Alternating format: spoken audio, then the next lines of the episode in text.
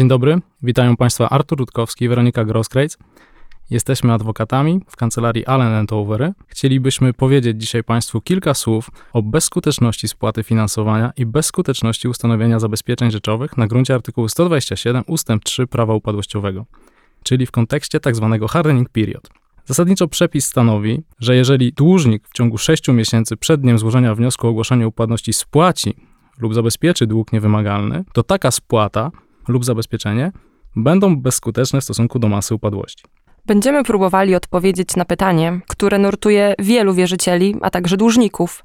To znaczy, w jakich okolicznościach dopuszczalna jest spłata długu i ustanowienie zabezpieczeń tak, aby nie naruszyć zasad wynikających z tzw. Tak hardening period na gruncie artykułu 127 ust. 3 prawa upadłościowego. Choć temat ten nie jest pozbawiony wątpliwości prawnych, postaramy się Państwu przedstawić oraz przybliżyć najbardziej praktyczne podejście do tej problematyki. Skąd pomysł na analizę tego właśnie zagadnienia? Możliwość ubezskutecznienia spłaty udzielonego finansowania i ustanowienia zabezpieczeń rzeczowych na gruncie prawa upadłościowego jest jednym z głównych problemów analizowanych podczas strukturyzacji transakcji finansowania. Bardzo często od analizy tego właśnie zagadnienia zależy, czy do transakcji w ogóle dojdzie, albo jaki przyjmie ona kształt. Bazując na swoich doświadczeniach, chcielibyśmy przedstawić Państwu analizę tego zagadnienia na gruncie czterech najczęściej występujących scenariuszy transakcyjnych. Po pierwsze, scenariusz, w którym finansowanie udzielone jest przed okresem ochronnym, a zabezpieczenie ustanowione jest następczo. Po drugie, scenariusz, w którym finansowanie udzielone jest przed okresem ochronnym, a zabezpieczenie ustanawiane jest równocześnie z zaciągnięciem długu. Po trzecie, scenariusz, w którym finansowanie udzielone jest w okresie ochronnym, a zabezpieczenie ustanawiane jest równocześnie z zaciągnięciem długu. Po czwarte, wreszcie, scenariusz, w którym finansowanie udzielone jest w okresie ochronnym oraz zostaje objęte istniejącym zabezpieczeniem ustanowionym wcześniej w związku z istniejącym finansowaniem. Zanim jednak do tego przejdziemy, chcielibyśmy zwrócić Państwa uwagę na dwie kwestie ogólne.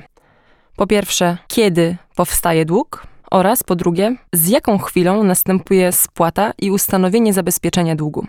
Są one bardzo istotne z punktu widzenia dalszych rozważań, dlatego że przepis odnosi się do zabezpieczenia i zapłaty długu niewymagalnego dokonanych w określonym terminie. Musimy zatem ustalić, jaki rodzaj długu niewymagalnego będzie podlegał hardening period. Istniejący, czy może także przyszły? Od kiedy możemy w ogóle uznać, że dług istnieje?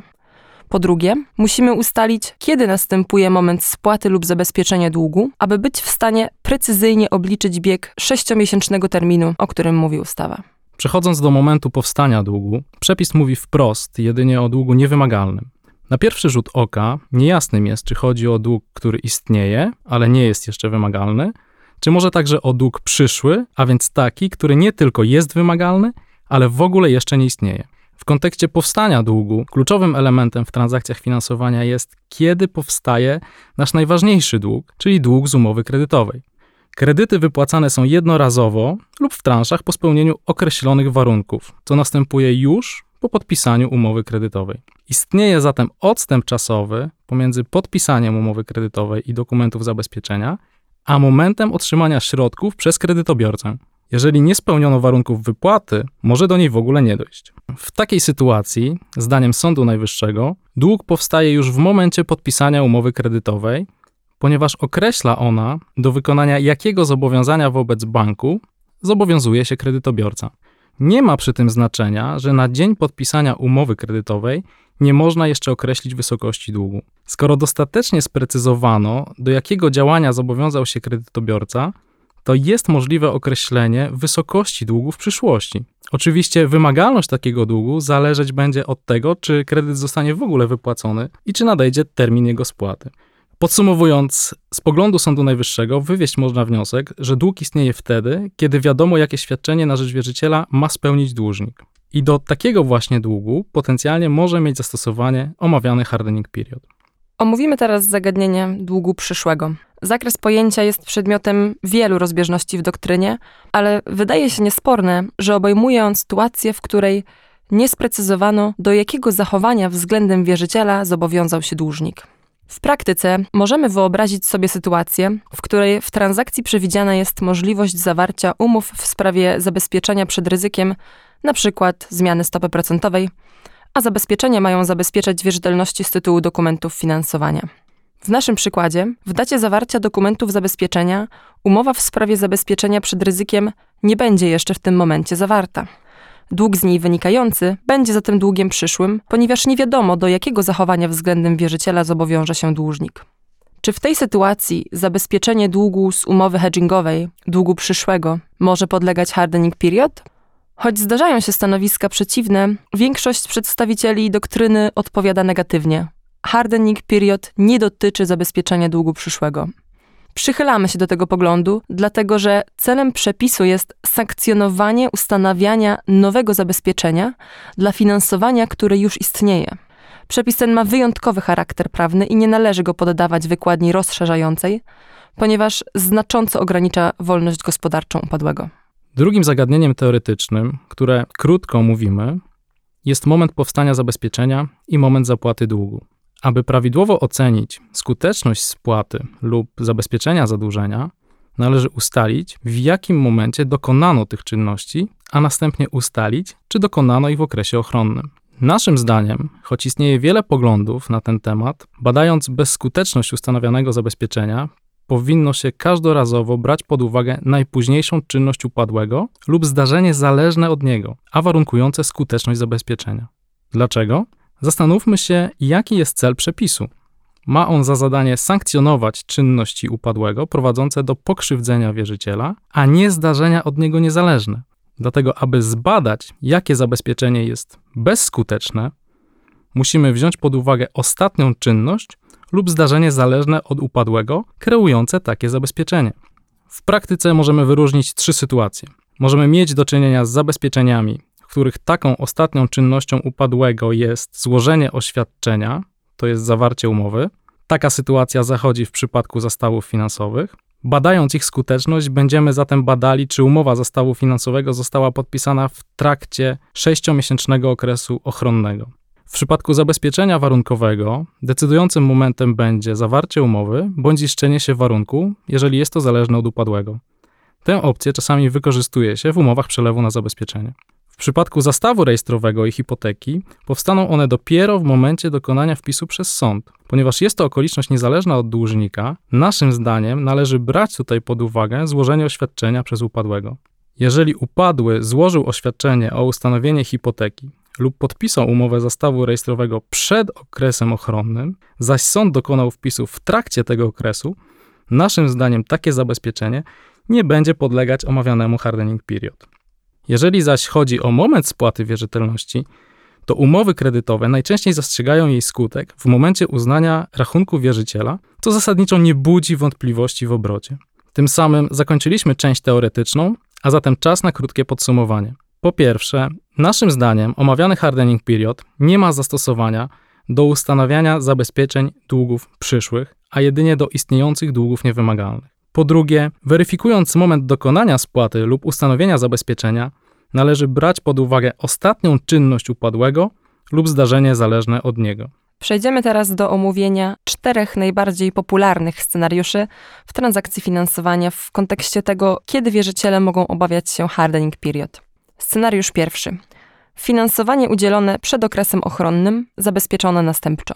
Co przez to rozumiemy? W praktyce zdarza się, że zabezpieczenia finansowania udzielane są nie tylko w momencie podpisania umowy kredytowej, lecz także później, kilka dni po jej podpisaniu, czy nawet w odstępie miesięcy lub lat. Obowiązek ich ustanowienia zwykle wynika z samej umowy kredytowej. Niekiedy warunkuje on wypłatę kredytu lub kolejnych jego transz. Zdarza się też tak, że kredytobiorca w danym momencie nie jest w stanie ustanowić konkretnego zabezpieczenia, na przykład z uwagi na brak uchwał korporacyjnych czy brak przedmiotu zabezpieczenia, i zobowiązuje się do ustanowienia go na późniejszym etapie jako warunek następczy wypłaty kredytu.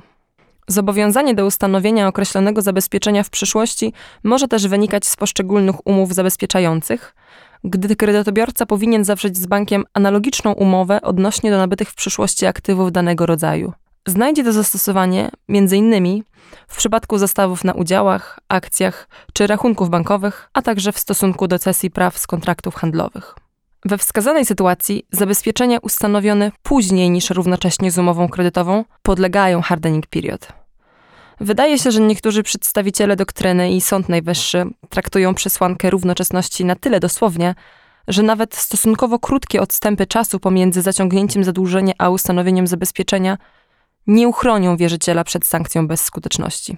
Co więcej, wydaje się, że nie ma znaczenia, czy kredytobiorca był wcześniej zobowiązany do ustanowienia tych zabezpieczeń, bądź czy stanowiły one warunek wypłaty kredytu.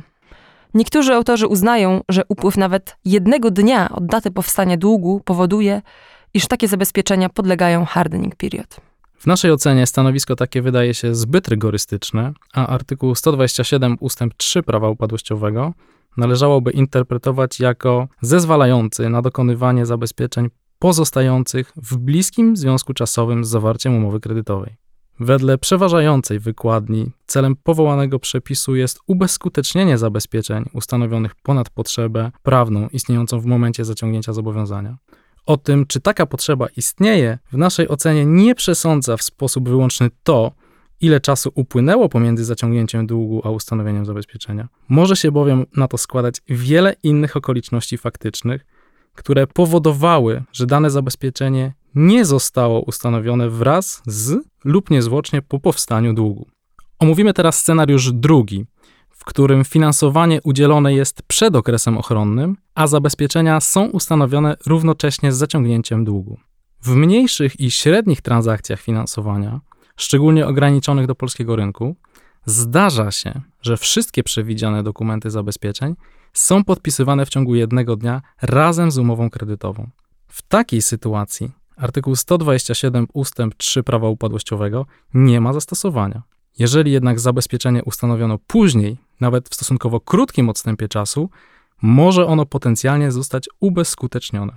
Wspomnieliśmy wcześniej, że w transakcjach pojawiają się zabezpieczenia warunkowe lub zabezpieczenia takie jak hipoteki czy zastawy rejestrowe, które powstaną dopiero po dokonaniu wpisu przez sąd. Takie zabezpieczenia ustanowione zostaną dopiero w momencie odpowiednio spełnienia się warunku lub dokonania wpisu przez właściwy sąd. Nastąpi to dopiero wtedy, mimo iż same dokumenty podpisane będą wcześniej, równocześnie z podpisaniem umowy kredytowej. Naszym zdaniem hardening period nie będzie miał zastosowania do takich zabezpieczeń. Jest to konsekwencja przejęcia, że momentem relevantnym z punktu widzenia artykułu 127 ust. 3 prawa upadłościowego jest ostatni moment zależny od dłużnika, warunkujący ustanowienie danego zabezpieczenia, a nie moment, w którym zabezpieczenie stało się skuteczne. W rezultacie należy uznać, że w omawianym scenariuszu 2, w którym finansowanie udzielone jest przed okresem ochronnym zabezpieczone równocześnie z zaciągnięciem długu, wierzyciele są skutecznie chronieni przed hardening period. Omówmy teraz scenariusz trzeci, w którym finansowanie udzielone jest w okresie ochronnym, a zabezpieczenia są ustanawiane równocześnie z zaciągnięciem długu. W polskim prawie nie ma zakazu zaciągania zobowiązań w okresie ochronnym, nawet jeżeli kredytobiorca dopuszcza lub przewiduje możliwość swojej upadłości. Nie ma żadnych bezpośrednich ograniczeń co do zaciągania zobowiązań w tym okresie. Dodatkowo, gdy zabezpieczenie danego zobowiązania jest ustanawiane jednocześnie z jego zaciągnięciem, Sytuacja taka nie należy do hipotezy artykułu 127 ust. 3 prawa upadłościowego. W tym kontekście aktualne pozostają rozważania na temat momentu ustanawiania zabezpieczeń, omówione w odniesieniu do scenariusza pierwszego. W analizowanym scenariuszu, scenariuszu trzecim, nie dochodzi zatem do zagrożenia bezskutecznością zabezpieczeń na gruncie artykułu 127 ust. 3 prawa upadłościowego. Przed nami ostatni scenariusz, scenariusz czwarty, w którym finansowanie udzielone jest w okresie ochronnym oraz objęte zabezpieczeniem istniejącym wcześniej w związku z wcześniej istniejącym finansowaniem. Niekiedy w toku istniejącego finansowania pojawia się potrzeba udostępnienia kredytobiorcy dodatkowych środków finansowych. Środki te mogą pochodzić od dotychczasowego grona kredytodawców lub nowego członka konsorcjum. W takiej sytuacji nowe środki każdorazowo stanowią nowy dług. Dlaczego? Efekt ekonomiczny jest tutaj tożsamy z udzieleniem nowego, kolejnego kredytu na podstawie odrębnej umowy kredytowej. Wspominaliśmy wcześniej, że hardening period nie znajdzie zastosowania do zabezpieczenia długu przyszłego. W omawianym scenariuszu będziemy mieli do czynienia z analogiczną sytuacją. Zabezpieczenia ustanowione wcześniej będą zabezpieczać właśnie przyszły dług, dług dotyczący nowych środków udostępnionych kredytobiorcy. W konsekwencji wierzyciele nie muszą obawiać się, że nowo udostępnione środki nie zostaną skutecznie zabezpieczone. Nasze dzisiejsze spotkanie dotyczące bezskuteczności spłaty finansowania i bezskuteczności ustanowienia zabezpieczeń dobiega końca. Przedstawiliśmy Państwu cztery typowe scenariusze praktyczne w kontekście zagrożenia omawianym hardening period. Jeżeli są Państwo bardziej szczegółowo zainteresowani przedstawioną w naszej prezentacji problematyką, zachęcamy do przeczytania naszego artykułu, który ukazał się w monitorze prawa bankowego. Dziękujemy Państwu za uwagę i do usłyszenia w kolejnych podcastach Allen Over.